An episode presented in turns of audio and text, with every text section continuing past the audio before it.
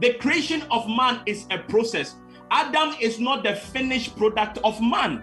Hallelujah. Adam is the beginning of the model called man. Jesus is the finished product of the model called man. But in God's own infinite wisdom, he has man as a seed. So man has in himself the reproductive capability and the abilities of God. So it is the same way likened to any form of seed.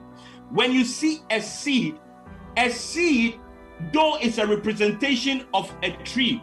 So let's say I have the seed of um, apple here.